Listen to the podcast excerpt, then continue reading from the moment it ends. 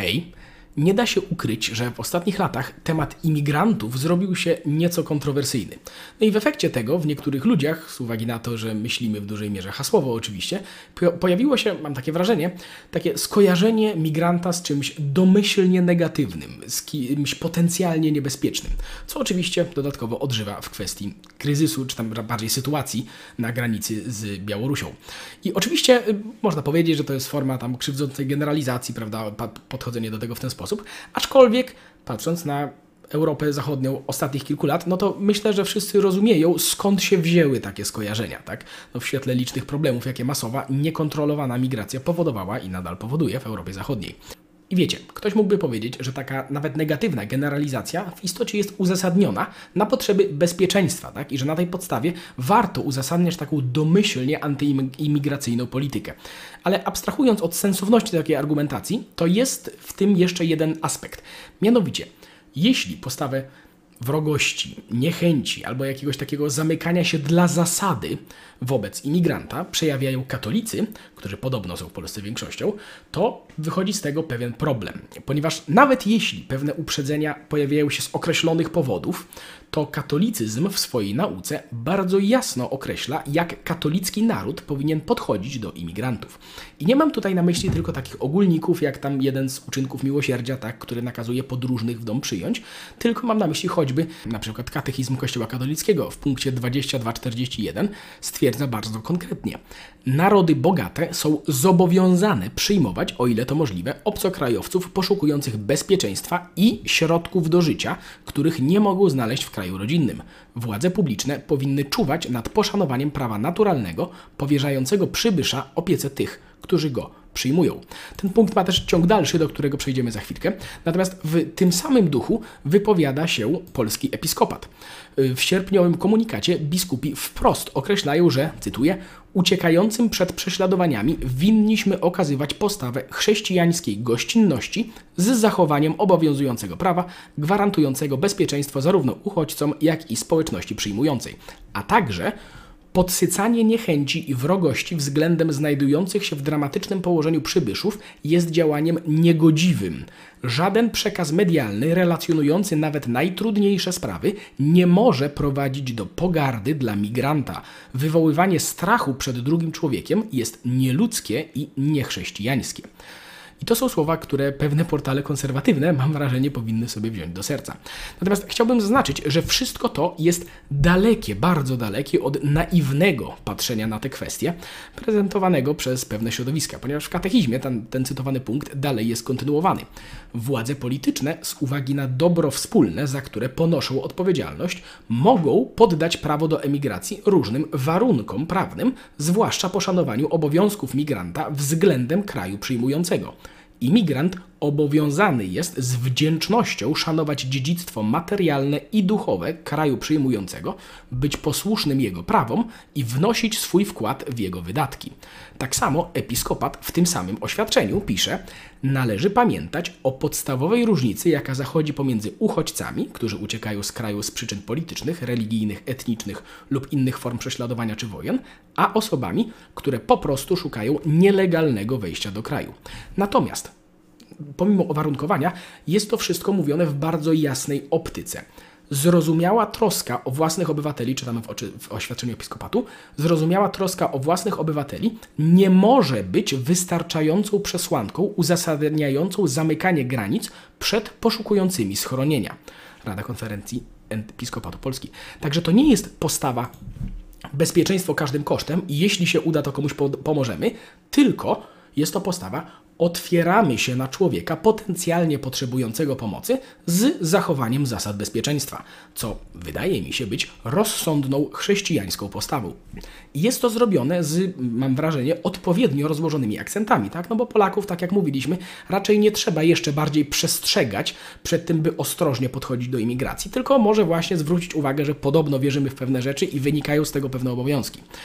I ja chyba jeszcze nigdy nie chwaliłem episkopatu na tym kanale, ale myślę, że te kwestie bardzo dobrze komunikują i miło to widzieć. I jeszcze przejdziemy do jednego pozytywnego aspektu tego za chwilę.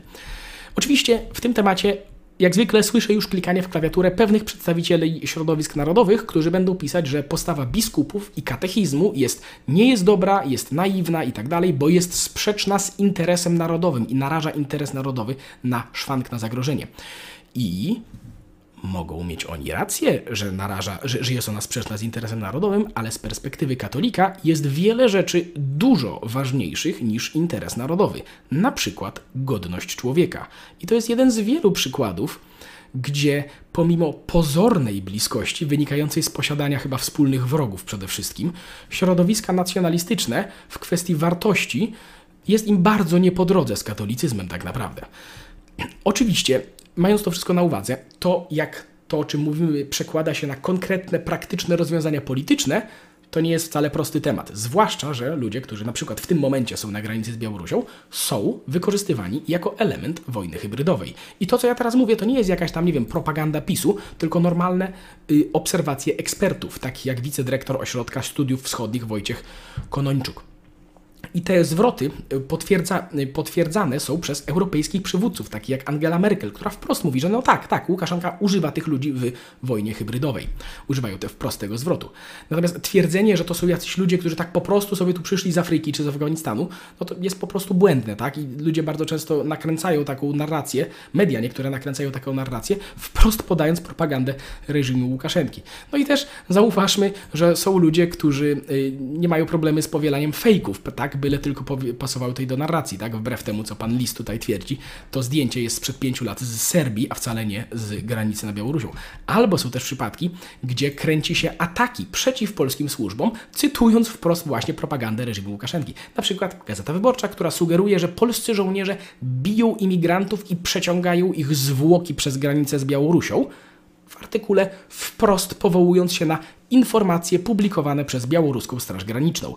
Czyli wiecie, oczerniamy polskich żołnierzy na podstawie doniesień służb autorytarnego reżimu, który traktuje nas jak wroga. Tak ogólnie to w tym temacie bardzo gorąco odsyłam do odcinka na wojnie idei na temat pożytecznych idiotów.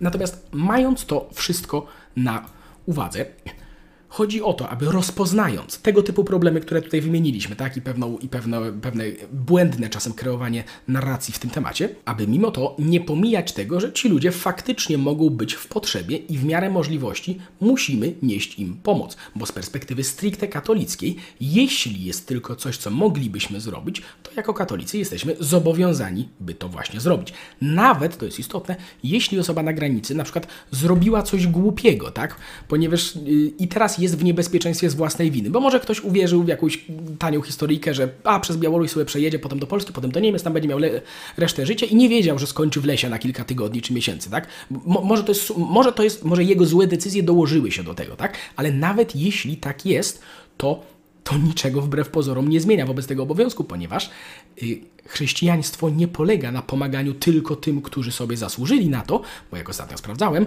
to Bóg poświęcił się dla nas właśnie dlatego, mimo to, że nie zasłużyliśmy. Nie dlatego, że zasłużyliśmy, tylko właśnie wbrew, wbrew temu, żeśmy nie zasłużyli. I katolik powinien przyjąć taką postawę, że jeśli mogę pomóc tej osobie, nie zaniedbując przy tym bezpieczeństwa innych osób, za które też na przykład jestem odpowiedzialny, to mam obowiązek tę pomoc udzielić. Oczywiście to wszystko jeszcze nie odpowiada na pytanie, co dokładnie i jak dokładnie powinno się tę pomoc udzielać, ponieważ w praktyce okazuje się to wszystko bardzo skomplikowane.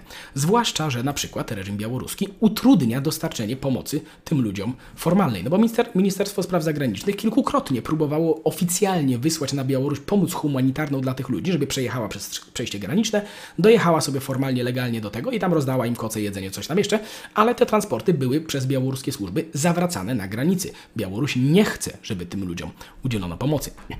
Tak samo pójście polskich służb do tych ludzi po na, na białoruską stronę, żeby czy polscy żołnierze, czy polscy y, y, politycy, ktoś nie może po prostu przejść przez stronę białoruską, w tym lesie pomóc im tym ludziom, no właśnie problem z tym jest, ponieważ to by oznaczało bezprawne naruszenie białoruskiej granicy przez polskie służby i to w sytuacji ekstremalnie napiętej, ponieważ nie wiem, czy wszyscy zdają sobie sprawę, ale dochodzi już do strzałów, na razie jedynie ze strony białoruskiej i na razie prawdopodobnie umyślnie niecelnych, ale może się to skończyć jeszcze bardzo, bardzo różnie. A kolejno, wpuszczenie tych ludzi tak po prostu, no niech se przejdą przez ten las po prostu, w sposób nielegalny, nie na żadnym przejściu granicznym, tylko właśnie w tamtym miejscu, ponownie, po pierwsze, daje to jasny sygnał Łukaszence, że spokojnie może wysyłać więcej takich osób w takie miejsce i wtedy kolejni ludzie zostaną przez niego wepchnięci w tę niebezpieczną dla tych ludzi sytuację. A kolejno, no jest to sytuacja, w której byśmy złamali nasze zobowiązania wobec Unii Europejskiej, wedle których Polska i polski rząd i polskie służby mają obowiązek strzec tej granicy, bo to jest granica Unii Europejskiej. Więc to nie jest takie proste.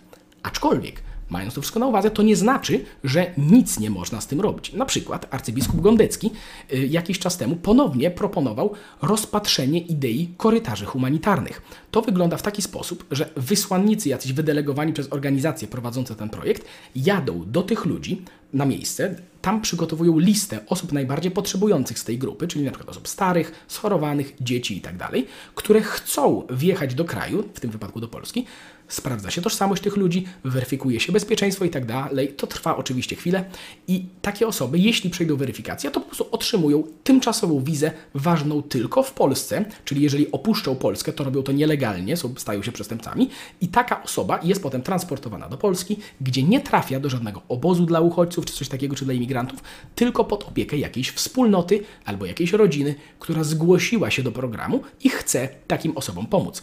I będąc już tu na miejscu, w wtedy takie osoby mogą ubiegać się o azyl albo o powrót do domu albo cokolwiek. I to wszystko jest finansowane oddolnie, tak, przez prywatne organizacje, które chcą pomóc, więc rząd nie ponosi dodatkowych opłat. I taki program działa na przykład we Włoszech od lat i na razie efekty są bardzo dobre. Na razie wygląda wszystko, że to bardzo dobrze działa. Oczywiście, w naszym konkretnym wypadku ponownie ktoś tych wysłanników musiałby na Białoruś wpuścić, co nie jest takie proste. Ale może by się znalazł ktoś po stronie białoruskiej, na przykład, kto by się do tego zobowiązał. Nie wiem. Ponownie, to nie jest łatwe i ja też nie mówię, że to jest najlepszy, bezbłędny i tak dalej, jedyny z możliwych z, z pomysłów, ale jest to jakiś pomysł i być może warto o tym porozmawiać, ponieważ kto wie, może akurat by siadł w tym momencie i pomógłby tym ludziom nie narażając innych ludzi. I mówię to wszystko właśnie dlatego, że z perspektywy katolickiej, raz jeszcze powtarzam, mamy obowiązek w, naszej, w miarę naszych możliwości pomagać ludziom, którzy tego potrzebują.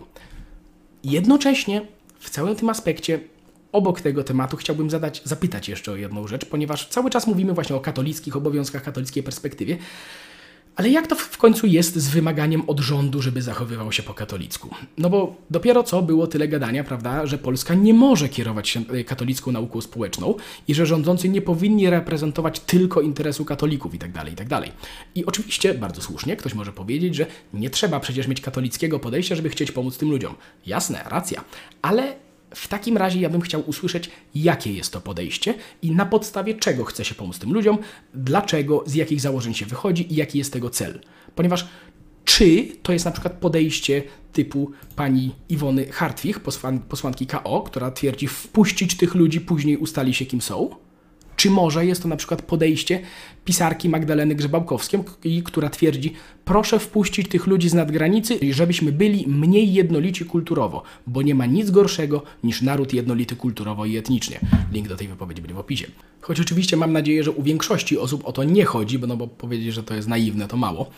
I Oczywiście na pewno wielu ludzi y, zakrzyknie tutaj, że, że to nie są takie postawy, że to wcale nie dlatego chcą właśnie pomagać tym ludziom, tylko z powodu czegoś, co oni by prawdopodobnie nazwali zwykłą ludzką przyzwoitością albo czymś takim, albo chęć bycia po prostu dobrym i tak dalej, i tak dalej. Ale mówiąc to prawdopodobnie nie zdając sobie sprawy z tego, że to, co ludziom w Polsce wydaje się powszechne i oczywiste, jest w istocie bardzo często wyrazem tego, jak bardzo chrześcijańska etyka kształtowała europejską mentalność poprzez historię ostatnich kilkunastu wieków. Ponieważ nie chcę nikogo martwić, ale jestem prawie pewien, że zdjęcia muzułmanów z obcego kraju, marznących na granicy, nie robiłyby większego wrażenia na Chińczykach albo Hindusach. A u nas, na przykład Kościół, prezentując podejście omawiane na początku, które wydaje mi się bardzo rozsądne, powołuje się na przykład na prawo naturalne i powołuje się na chrześcijańską miłość bliźniego i chrześcijańską gościnność, nawet wobec tego, który sam sobie zgotował swój los i tak dalej. I jeśli ktoś nie uznaje tych wartości, ale akurat się zgadza z działaniami, które tutaj się proponuje na tej podstawie, no to bardzo fajnie. Ja nie będę na to narzekał. W sensie, jasne, zróbmy coś razem, ale jestem trochę ciekaw, na podstawie czego te osoby chcą to zrobić, ponieważ jeżeli, jeżeli odpowiedzią byłoby, bo ja tak po prostu czuję, tak? bo, bo to mi dyktują moje emocje i empatia, to to nie są najlepsze argumenty po prostu. I wydaje mi się, że opieranie się tylko na tym, bez jakichś sensownych ram, bardzo łatwo może się degenerować do takiej postawy, że wpuszczamy każdego, kto wygląda smutno, bo tak nam podpowiadały emocje, a jak się nie zgadzasz, to jesteś faszystą. Co już potrafiliśmy widzieć w ostatnich latach. Także, dbając o godność człowieka, w potrzebie, zwłaszcza takiego, warto jednocześnie roztropnie patrzeć, czy inne osoby na przykład nie używają takiego człowieka jako narzędzia szantażu emocjonalnego do realizacji jakichś swoich postulatów politycznych. I co ważne, nawet jeśli tak jest, nawet jeśli ktoś używa tych ludzi jako właśnie takiego narzędzia szantażu, to zauważając to, i tak jesteśmy jako katolicy zobligowani, żeby tym potrzebującym ludziom pomóc. Natomiast zachęcam do robienia tego, kierując się w pierwszej kolejności rozumem, a dopiero potem emocjami. No i to tyle. Do usłyszenia. Hej. Jeśli chcesz być informowany o kolejnych odcinkach, to kliknij dzwoneczek powiadomienia, żeby żadnego nie przegapić. A jeśli chciałbyś pomóc w tworzeniu takich filmów, to zapraszam do wsparcia nas na Patronajcie. Do usłyszenia.